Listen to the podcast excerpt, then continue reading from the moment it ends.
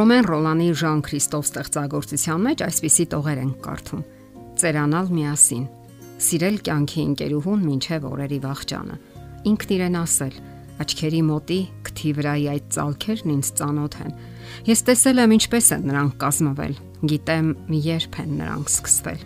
Այդ մոխրագույն մազերը գունաթափ են եղել իմ ներկայությամբ։ Այդ նուրբ դեմքը ուռուցիկ է դարձել ու կարմրել մեզ տանջող հոգնությունների ցուցաբերից հոգյակս, քեզ ավելի եմ սիրում, որովհետև միասին ենք տանջվել ու միասին ծերացել։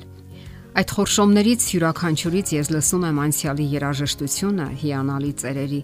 որոնք կող կողքի ապրելով երկարատև տքնաջան մի կյանք գնում են միասին նիրհելու։ Այս տողերում արտացոլված է ամուսնական համատեղ կյանքի մի հրաշալի պատկեր։ Պատմություն այն մասին, թե ինչպիսին պետք է լինեն ամուսնական հարաբերությունները ինչպիսի խոստովանություններ պետք է հնչեն, որովհետև ամուսնական կյանքում կողմերը նաև պետք է խոստովանեն, որ նեղացրել են միմյանց, դժվարացրել մեկը մյուսի կյանքը բնավորության հիմնախնդիրների եւ ցակած տարաձայնությունների պատճառով։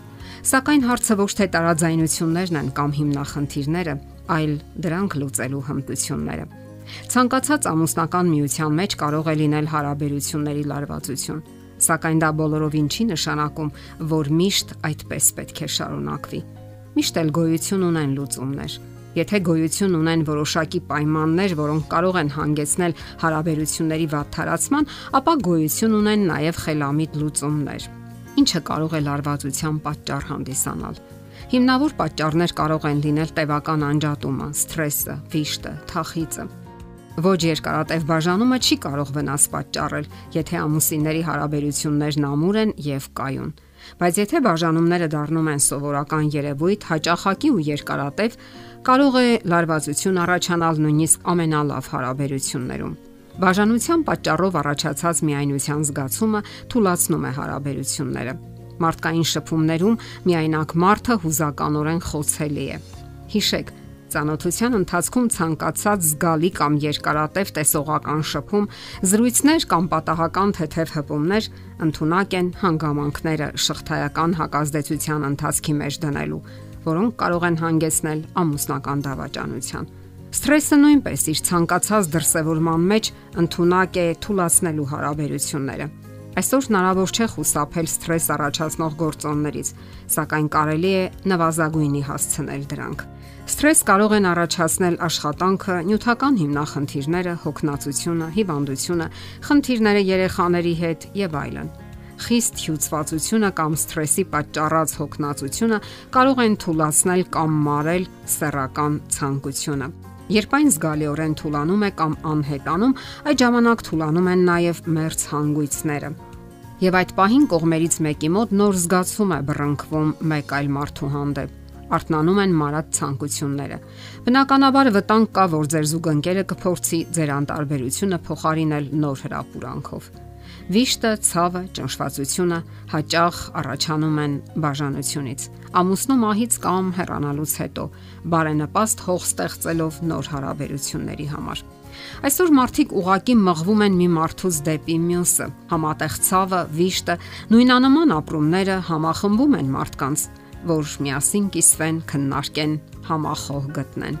Մարդիկ կարեկից, սրտակից, ըմբռնող ու ջերմ ընկերակցության են ձգտում եւ հենց այստեղ նրանք կարող են սայթակել։ Թյուրիմացաբար մտածելով, որ այդ նորը կարող է ամոքում բերել, փոխարինել։ Նոր հրապուրանքները, սուր զգացմունքների մղվելը շատ արագ են մարդուն քաշում դեպի նոր հարաբերությունների արկածախնդրությունը Կողմերից յուրաքանչյուրը կարեկցում է մյուսին, հասկանում նրա ցավը, որովհետև ինքն էլ է անցել այդ ուղիով սակայն նրանք հակված են սխալ մեկնաբանելու այդ բոլորը եւ ընկնում են սիրախաղի հորձանուտը։ Երբ նրանք միմյանց հետ կիսվում են իրենց ընդհանուր խնդիրներով, զգում են, որ միավորվում են կապվածության սերտ հանգույցներով։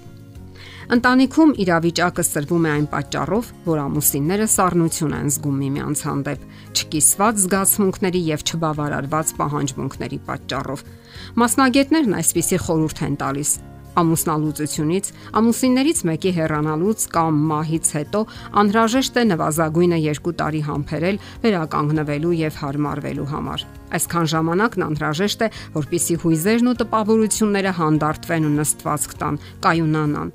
Անհրաժեշտ է եւս 2 տարի դանդաղ ու անվտանգ ձևով նոր զուգընկերոջ որոնումներ սկսելու, նոր մարդու հետ հարաբերություններ կառուցելու համար։ Սակայն ասենք, եթե ամուսիններն անկանոն սեռական կյանքով են ապրում, ապա դա բոլորովին էլ հիմք չէ դավաճանության համար։ Նույնիսկ նրանք, ովքեր ունեն ամուսնական սերտ հարաբերություններ, կարող են հրապուրվել նոր հարաբերություններով ու կապերով։ Սակայն այդպիսի բարդ իրավիճակի մեջ հայտնվածները միշտ էլ կարող են հետ դարձի ճանապարհ թողնել։ Երբեք էլ ուշ չէ զգոն ու սթափ դատողությամբ գիտակցելու եւ կես ճանապարից հետ դառնալու համար։ Այո, ամուսնական հարաբերությունները երբեմն կարող են լարված ու ձգված լինել սակայն դեռևս հույս կա պահպանելու ամուսնությունը, եթե ցավում եք խաթարված հարաբերության եւ զգացմունքների համար։